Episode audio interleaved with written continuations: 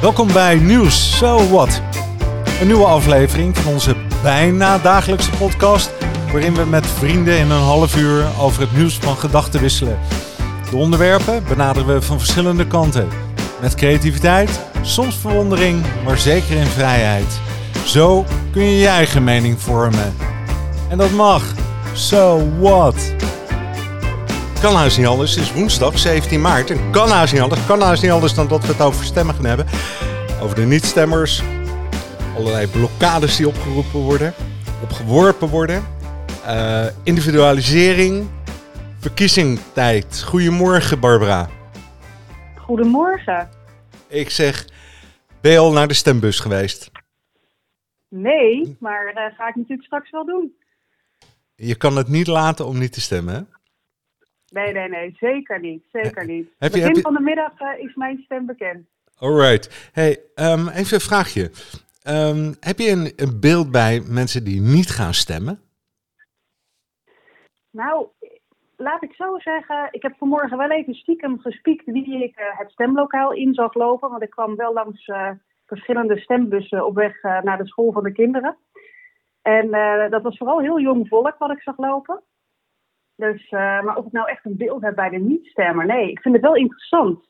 Lagere, lager opgeleid. Dus een uh, geograaf, uh, die heeft, Josse de Voogd, die heeft daar een onderzoek naar gedaan en die komt tot de volgende conclusie. Lager opgeleid. Nou, dat, daar, kan ik me wat bij voorstellen. Maar ook ja. dat, dat de opkomst lager is onder de grote rivieren.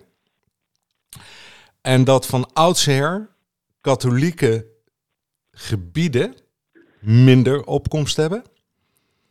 En grote industriële steden, omdat dat vaak ook jongere mensen, en denk je aan Enschede en uh, Rotterdam, Groningen, Amsterdam, die hoek. En toen ik dat las, dacht ik, nou, dat had ik zelf kunnen verzinnen natuurlijk, hè? maar daar moet je eerst een onderzoek voor doen. Waarom denk je dat jongere mensen minder stemmen? Nou ja, jongere mensen, volgens mij hoorde ik jou zeggen lager opgeleide mensen. Ook, maar dat de industriële steden verhoudingsgewijs anders stemmen, komt ook omdat in de stad natuurlijk jongere mensen wonen. Hè? Kortom, het is nog best wel complex geheel. Maar in ieder geval, iedereen roept ons op om te gaan stemmen. Ja. Vind je dat een recht of een plicht? Ik vind het bijna een plicht. En ik zeg bijna omdat uh, ik ook vind dat je mensen niet kan, uh, kan dwingen hè, om zoiets uh, te doen. Maar ik kan me niet voorstellen dat je niet gaat stemmen. Dus ik zou wel eens zo iemand willen vragen, um, nou ja, wat hem of haar dan beweegt om niet naar de stembus te gaan. Ja, vergeten. Ik ben het één keer vergeten. ja, ook ik. ja. Je wilt toch niet zeggen dat jij nooit een keer hebt overgeslagen? Nou, nou, ik kan het me niet heugen. Hmm. En waarom zou dat... Wel dat onder de grote rivieren, hè, dat vind ik ook een, uh, een bijzonder punt eigenlijk. Hè, dat is alsof er toch een soort van meer laksheid is. Ik ga er niet vanuit dat men lager opgeleid is daar. Hè, dus uh, dat dat, uh, hè, dat... Dat is grappig is dat, hè? Nou ja, bijzonder. Ja, is het laksheid of, of speelt daar wat anders? Ja. Het zou natuurlijk ook nog zo kunnen zijn dat men onder de rivieren minder bezig is met uh, de hele politiek. Ik bedoel, het is toch uh, in die zin een beetje randstadse aangelegenheid. Ja, of uh, ze zijn slimmer, want ze weten toch wel dat het geen bal uitmaakt. Ja, kan ook nog, hè? Dan, je, dan ben je even stil van, hè? Ja. ja. ja, denk zeker dat in de Randstad hebben ze het uitgevonden. Nou, uh, echt niet. Nee, nee, nee, nee. En wat is de opkomst? Even kijken hoe, hoe jouw kennis uh, in elkaar zit. Wat denk je? Hoe de omko- uh, opkomst is? Nou ja, weet je, ik hoop gewoon hoger dan, uh, dan verwacht. Ze, ze denken het, over de 80%. Hè? Vorige keer was het ook 80%. Als je dan naar de statistieken ja. kijkt, dan zit dat ergens tussen de 70 en de 90% voor Tweede Kamerverkiezingen. En ja. in de jaren 70 Hè, toen was het uh, uh, een periode laag en, um, en nu zou het wel eens zo kunnen zijn, zeggen ze, hè, dat het naar de richting de 90% gaat kruipen. Hè? 88% in die orde vergroot. Maar ja, dat gaan we vanavond weten. Hè? Hey, hoe vind je Laten het? we het hopen, kan ik maar Ja, nou ja, vooruit. Ik vind het ook hoor. Als je een, een hey, je, je moet ervoor strijden dat je mag stemmen en dan mag je stemmen, dan moet je ook gaan stemmen, denk ik. Ja, vooruit. Hè? Ja. We zijn, Ja. anders dan krijg je met de zweep eh, over onze christelijke rug. Hè? En eh, dat, dan gaat het ook niet goed.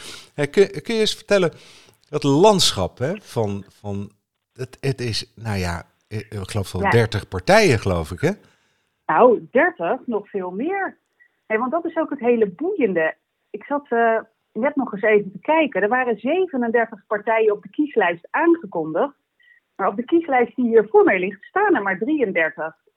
Dus ik ben ook wel benieuwd eh, wat er met die laatste vier partijen gebeurd is. Maar ik heb er nog even zo snel niks over kunnen vinden. Nou ja, Dus dat zijn dan weer dingen die mij bezighouden. Maar ja, het komt, is komt ongelooflijk veel. ja, in sommige kiesdistricten eh, zijn partijen niet vertegenwoordigd.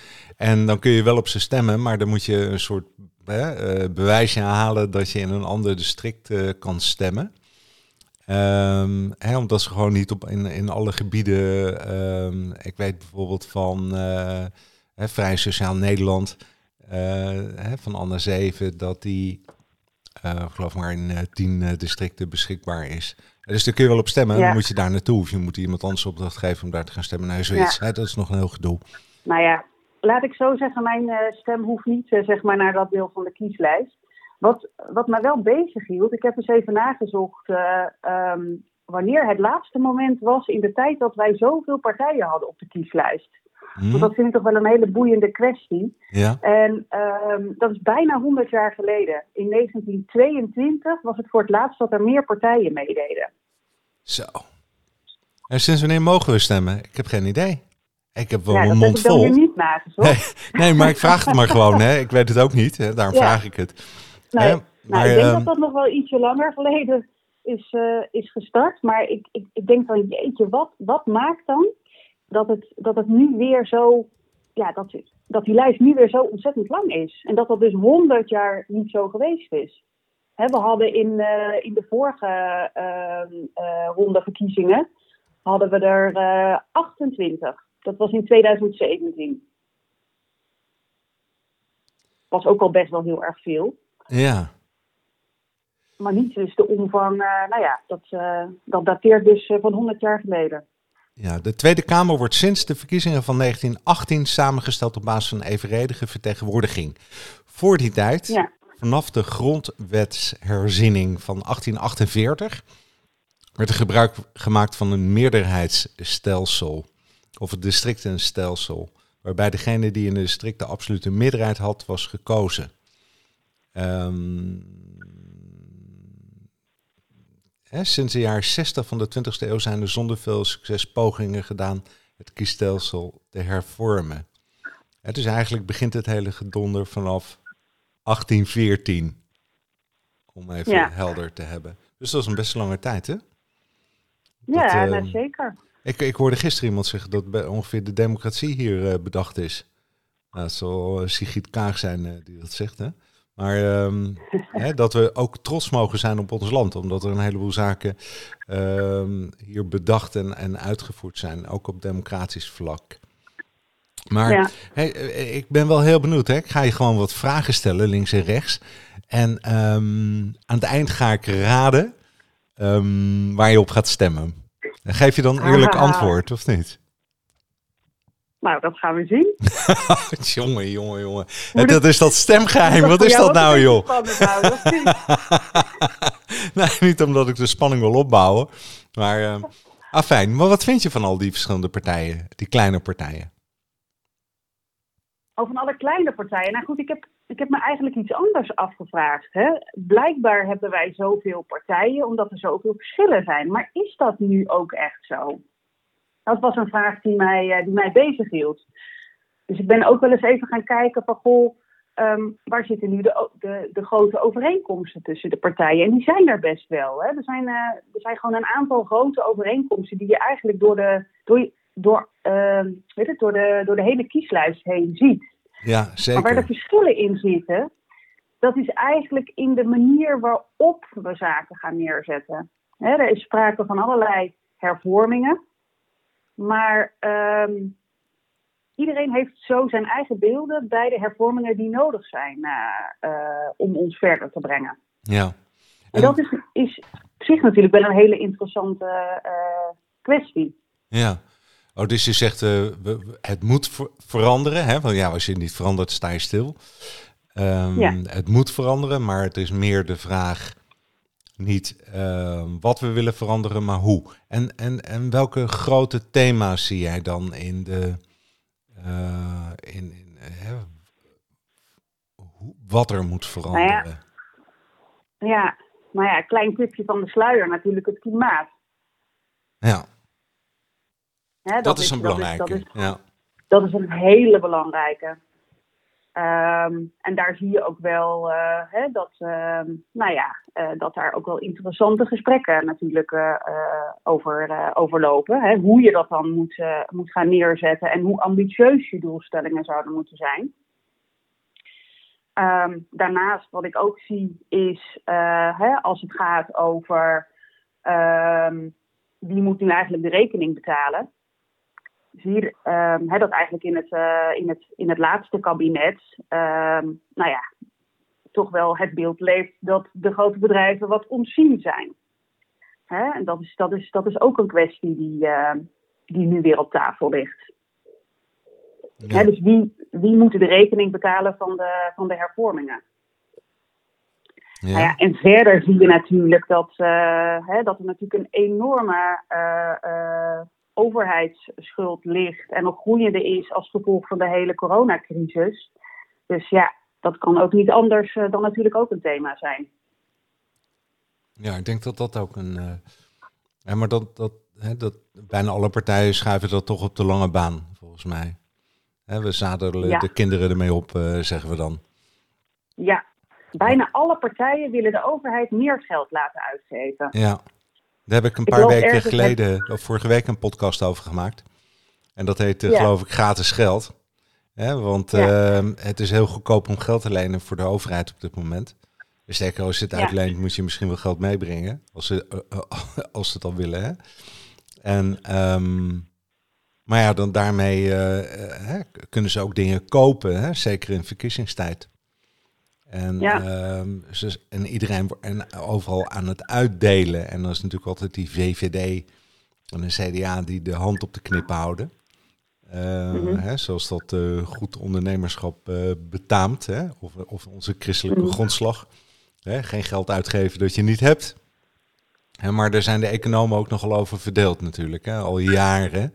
Hè? Of je de economie moet stimuleren nu juist in deze tijd door overheidsuitgaven toe te staan. Of ehm, of een veelvoud van overheidsuitgaven.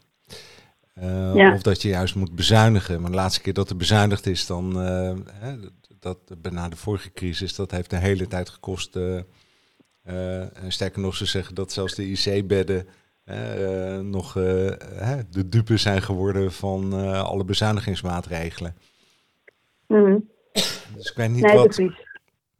Ik weet ook niet. Nou ja, laat ik zo zeggen ik ga niet stellen dat we het anders zouden moeten doen. Hè? Dat, we, dat, we, dat we deze uitgaven niet zouden moeten doen. Maar ik maak me in die zin wel zorgen voor de volgende generatie. Dat ik denk, nou, er komt nog wel een aardig. Uh, uh, nou ja, gewoon een aardige schuld die, uh, die, die verwerkt moet worden. Linksom of rechtsom. Ja, inderdaad.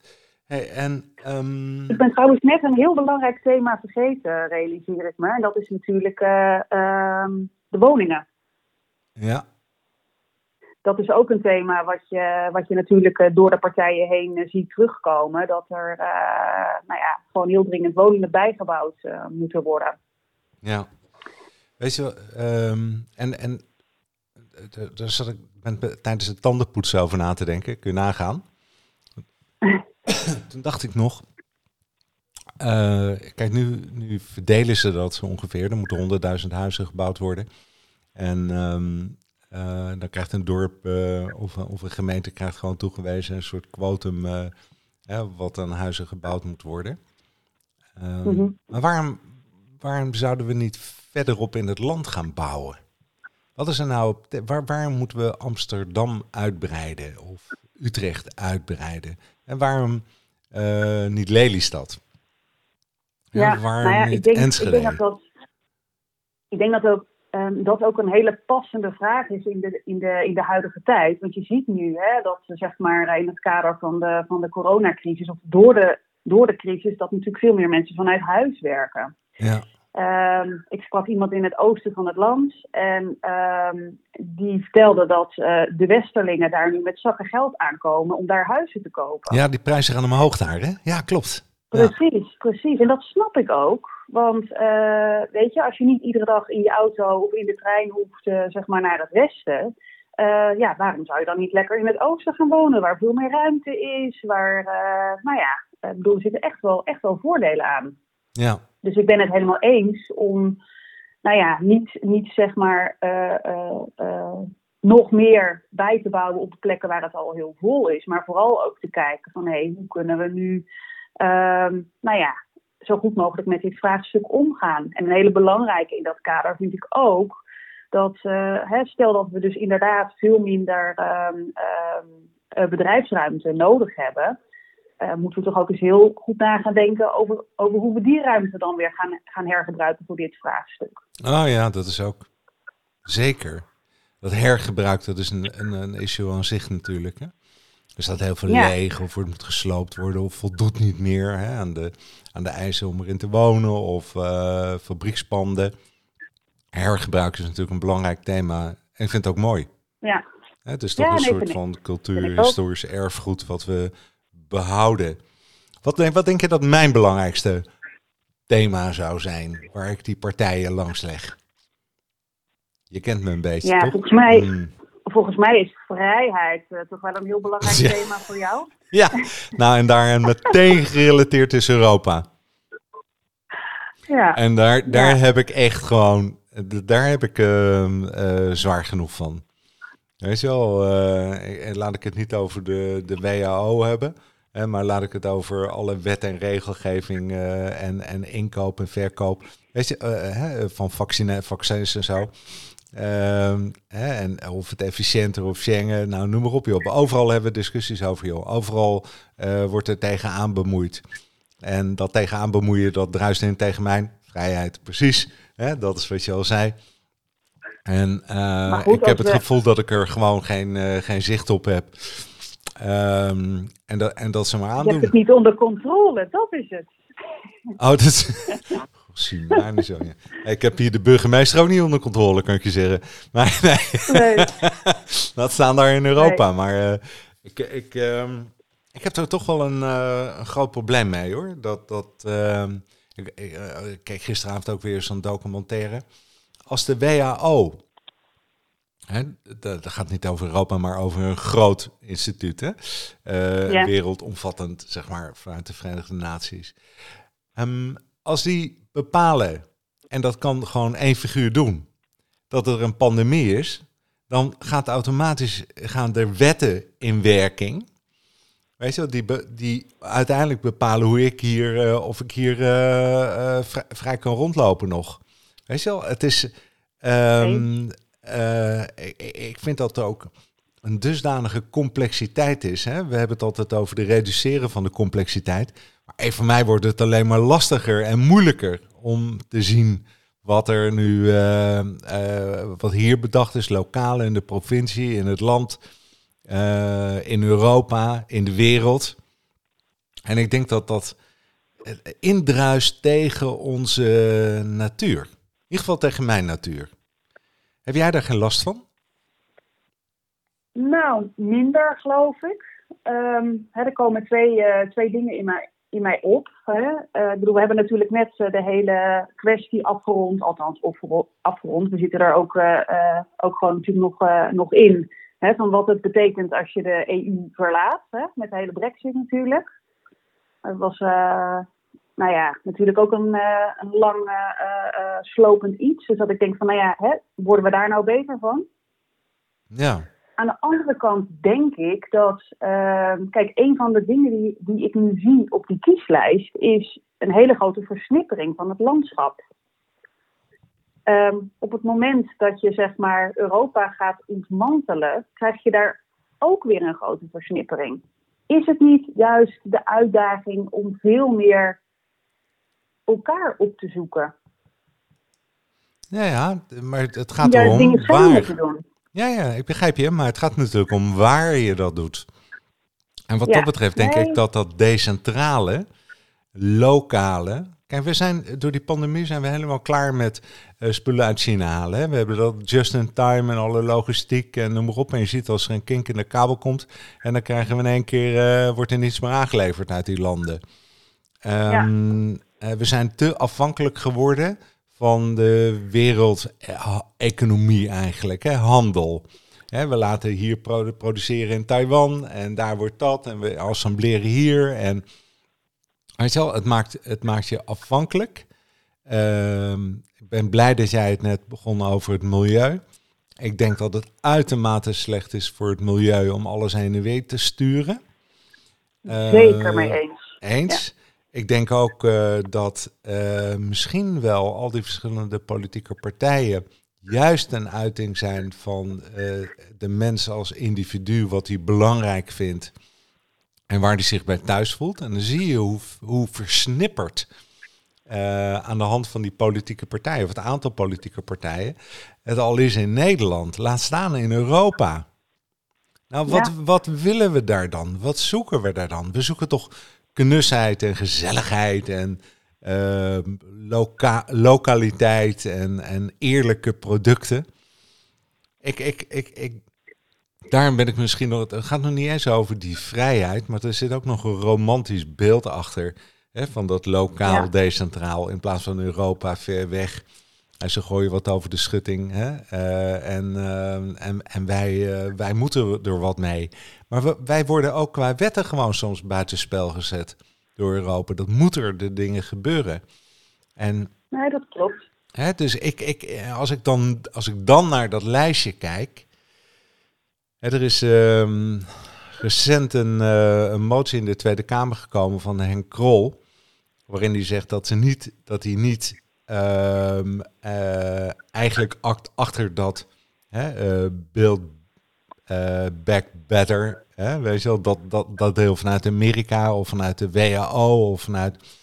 ehm, maar dat we ook onze is, is het niet verstandig om ook naar onszelf te luisteren en te kijken in plaats van dat we achter Amerika of grote instanties aanlopen. En ehm, dat is wel grappig als je dan ziet welke partijen voor en welke tegen gestemd hebben. Welke hebben gezegd: Oké, ik kom aanlopen hier, ik ga op mijn knieën liggen, bind mijn handen maar vast. En welke partijen hebben gezegd: Oh, ik heb, ik, ik heb toch ook een soort autonome eh, hè, beslissingsbevoegdheid. Ik hoef toch niet automatisch overal achteraan te lopen. Nou, Ja. wat denk je? Ik doe het nu even uit mijn hoofd, want ik heb hem niet voor me. VVD, wat denk je? Vastbinden die handen, zeggen ze. CDA, vastbinden die handen. En je slaat er eentje D66, over. vastbinden die handen. tweede plek. PVV, loslaten. Ja, Ja, voor Democratie, loslaten. GroenLinks, vastbinden. Weet je wel, kijk, eh, je kunt het, op dat gevoel kun je ook een, een, een soort indeling eh, maken. Ja, dus er zijn al die kleine partijen, die staan toch eigenlijk dan, als ik het zo eens heel eh, groot neerzet, oh, gaan ze voor vrijheid en individualiteit en eh, wat voor mij ook neerkomt meteen op decentraal en lokaal. En eh tuurlijk, we leven in de wereld, we hoeven ons niet af te sluiten van de rest. Maar mhm. en we willen graag op vakantie en we hoeven ons paspoort niet te laten zien. Nou, noem maar op allemaal, allemaal voordelen. Die ene munt, dan moeten we ook nog maar afwachten of dat goed gaat. Hè, maar ze, ze willen eh, toch ook een soort lokale eh, chemie hebben. Betekent ook, hè, jij Ja. woont in Harmelen. Nou, dat, dat je de boer kent en eh, dat je iemand anders tegenkomt en die zeg je hallo tegen. En eh, je koopt eh, ergens wat bij een lokale winkel. En eh, dat, dat, dat, dat is misschien toch de reden waarom jij ook buitenaf bent gaan wonen? Zeker, zeker. En daar ben ik ook echt helemaal voor. Hè? Ik bedoel, ik denk ook, en dan trek ik hem maar heel eventjes weer terug op het, eh, op het, eh, op het klimaat.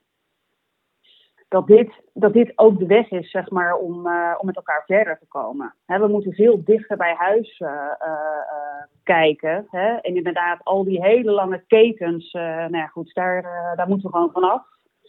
Hè, de, de, de, de frambozen uit Marokko en nou goed, weet ik het allemaal wat. Niet normaal, niet gezond hè? Jij, jij, jij bent toch ook een beetje een kruidenvrouwtje hè? Zeker, zeker. Met je eigen moestuin, hè?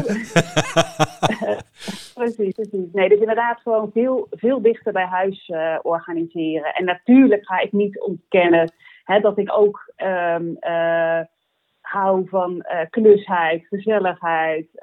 Um, um, maar ik denk dat het, dat, het, dat, het, dat het gaat om het totale plaatje. En nou ja, goed, mijn, mijn stem gaat wel naar de partij die, uh, waarvan ik denk, nou, die, uh, die heeft ambitieuze doelen op hetgeen waar we nu echt met elkaar keihard aan moeten werken. Nou ja, nu heb ik het wel weggegeven, toch? Nou, nee, nog niet. Ik ga het nog niet raden, want uh, we hebben nog vijf minuten.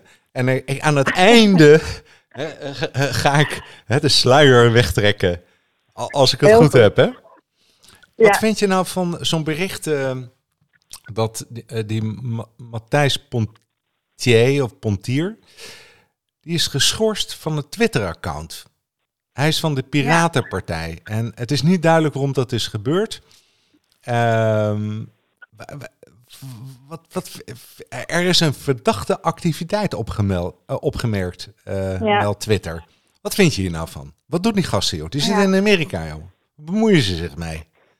Wat vind jij? Kijk, laat ik zo zeggen. Er zijn twee mogelijkheden de eerste mogelijkheid is, hè, kijkend naar uh, de, uh, zeg maar wat, het uh, wat, wat, wat Twitter aangeeft, wat uh, zeg maar redenen kunnen zijn om op te schorten, is dat iemand heeft geprobeerd om zijn account te hacken of uh, nou ja, hè, iets, iets crimineels te doen met zijn account. Dat is optie 1. Tweede optie is, um, want bedoel, dat is, dat is natuurlijk waar men toch een beetje over speculeert. Van, uh, hij, hij, had net een aantal, uh, nou ja, toch wel um, stevige uitlatingen gedaan op zijn Twitter-account. Dat dat wellicht ook een reden zou kunnen zijn om een account op te schorten. En ik zeg niet wat waar is, hè, maar gewoon even twee, twee, twee hele verschillende beelden naast elkaar. Stel dat hij nu zegt en oproept. Uh nou ja, dat vaccineren, dat is echt dom werk. Trap er mhm. niet in. Mhm. Wat bepaalt dan of, of eh, ik, ik zeg niet uh, dat hij zegt plaats een bom ergens, zei je wel. Ja, maar wat, ja. Hè, uh, ik, ik, ik, weet helemaal niet uh, wat hij gecommuniceerd heeft. maar um, mij gaat het om het mechanisme. En natuurlijk heb je een vrijheid. En die vrijheid vind ik ja. heel belangrijk. Maar dat betekent niet dat je de vrijheid hebt om al van alles te zeggen. Hè, dat is niet de vrijheid waar ik het over heb. er zijn ook nog uh, iets van normen, waarden en dat soort uh, kreten. Maar um, ik, ik, ik heb er toch problemen mee dat, dat een of andere derde partij, dus die, het is geen overheidsbedrijf toch? Het is toch niet het ministerie van Propaganda? Of het is niet, weet ik van wie die dat doet? Maar het is een, een, ehm, een, een, een agent die ergens zit, uh, die privé uh, eigendom is, um, die ingrijpt. Maar ze kunnen ingrijpen, hè? dat hebben we bij Trump gezien natuurlijk. Hè? Die, die werd helemaal van Twitter afgegooid. Um, ja. Maar dat hebben ze ook gedaan bij Thierry Baudet. hebben ze een waarschuwing Ik heb dat nagezocht. Ik heb dat nagezocht. Hè? Wat zijn dus de redenen om een account op te schorten? En uh, dit valt allemaal uh, in de categorie uh, beledigende tweets of gedrag. Ze kunnen een account uh, opschorten als wordt gerapporteerd dat het de regels rond misbruik overtreedt. Als iemand beledigend gedrag vertoont of uh, dreigingen stuurt naar anderen. Maar goed, de vraag is dus, want je kan dit, dit, dit, dit, dit natuurlijk uitleggen hoe je, hoe je wilt of dit inderdaad te scharen is onder die categorie. Want onder een van de andere categorieën valt het sowieso niet. En weet je wat ik nu mis in dit hele verhaal? Dat die Grapperhaus gewoon helemaal niet van zich laat horen. Dat hij niet, dat de politiek en onze overheid gewoon uh, de andere kant op kijkt, omdat ze dat wel goed uitkomt als Baudet een waarschuwing krijgt. Vind je dat niet? Moeten ze bij, de, bij, de, bij Grapperhaus uh, moeten ze dat eens proberen. Hè, Twitter. Dat het Grapperhaus... Ik weet niet of dit zo is, wat jij zegt. Ik vind het in ieder geval, laat ik het zo zeggen, want je ziet het op, uh, op meer hè, uh, um, sociale media. Ook op LinkedIn worden, worden accounts ehm, dichtgezet. Ehm, ja, ik vind het een heel interessant vraagstuk wat daar nu achter zit. Ik bedoel, wat je zegt kan, hè? Ik bedoel, ik ken, uh, ik ken de waarheid ook niet. Maar laat ik zo zeggen dat uh, ik hoop dat dat niet waar is. Dat is heel mooi, hè? Dat, dat um, uh, Ananda, dat, dat, dat was een, een volgeling van Boeddha. Die was mm -hmm. altijd bij hem in de buurt. En uh, toen Boeddha overleden is, toen zijn ze met een groep uh, bij elkaar gekomen, groep volgelingen bij elkaar gekomen. En zijn ze gaan opschrijven wat Boeddha gezegd heeft. Hè? Omdat, omdat ze wilden dat de kennis overgedragen zou worden. En hij begint nooit, en let op, nooit met. En toen zei Boeddha. Hij begint ermee. Ik heb gehoord, naar mijn mening, hè, dat ik denk dat ik gehoord heb. Hè, zo voor, nou, en daarmee bedoelt hij dus. Hè, de, wat is de waarheid? Weet je, wel? Je, je moet je zo bescheiden opstellen. Hè, dat je, je meent iets gehoord te hebben. En je probeert dat weer te vertalen. Maar je kunt niet zeggen, hij heeft gezegd dat. Weet je wel? Nee, uh, hij houdt het bij zichzelf. Hij houdt het bij zichzelf. En, um, nou ja, bij de observatie die hij doet. En bij mijn op en altijd zeggen: ik denk het, ik vind het. Het is niet dat, dat hij dat ooit bedoeld heeft, of hij misschien, maar ik heb dit eruit gepikt. Weet je, dat is natuurlijk een heel mooi gegeven. Hè? Um, ja. Dat, uh, dat je daarmee even weer geconfronteerd wordt en teruggezet wordt in. Van, uh, oh, ik, ik vind dit en ik vind dat en dit moet zo en hij zegt dat. En, uh, en weet je wel, er moet altijd een soort van bescheidenheid in zitten. Hè? Dat je weer hè, afstand neemt en dat jij ook maar een klein deeltje van de werkelijkheid uh, beziet. Maar ja. zo, dat waren even stichtelijke woorden, of niet Barbara? Nou, vind ik wel een hele mooie afsluiting eigenlijk. Vind ik dit, ook. Uh, maar de echte afsluiter wordt natuurlijk dat je gaat ja. verraden waar je op gaat stemmen, hè? nee, ja precies. Nee, jij gaat raden. Ik ga het niet verraden. Nou, jij, hebt, jij, hebt, jij bent een echte VVD'er, vind ik. Is dat echt? Uh... Nee. ik wou zeggen. Dan heb ik toch wel um, ja, verkeerde nee. signalen afgegeven. Ja, nee. Maar weet je wat ik vind, wat jij bent? Eigenlijk wat ik vind dat jij bent? Maar dan heb ik het alleen maar over de positieve kanten van die partij. In mijn bescheiden mening. Vind ik een D66-achtige uh, standpunten uh, hang jij aan. Je bent er gewoon verstandig. Hè? Ik zeg niet dat je op D66 hoeft te stemmen. Maar wel uh, over de verstandige standpunten waar ook nog een beetje liefde aan toegevoegd wordt. Nou, en welke partij zou dat nou, zijn? Je zit in ieder geval in de goede hoek. Ja, hè? Ja. Ja. Nou ja. ja. Je gaat het niet vertellen, hè? Nee. dat is je recht, je grondrecht. En mag je niet vertellen. Je mag Ja, in Nederland niet praten over het salaris. en waar je op gaat En ook niet stemmen. over politieke kleur. En of je een vriendin Ja. hebt. Ja, precies. Nou ja, of jij een vriendje, zo gaat dat. Hey, ehm, Ja. Het was super eh, mooi. Ik heb eh, genoten. Ik vond het. eh, Ik ook. Ik ben er blij mee. En ik ga jou eh, snel het resultaat laten horen. All the best, hè? Ik ben erg benieuwd. Oké, Hoi. all the best. Hoi, hoi. Hoi.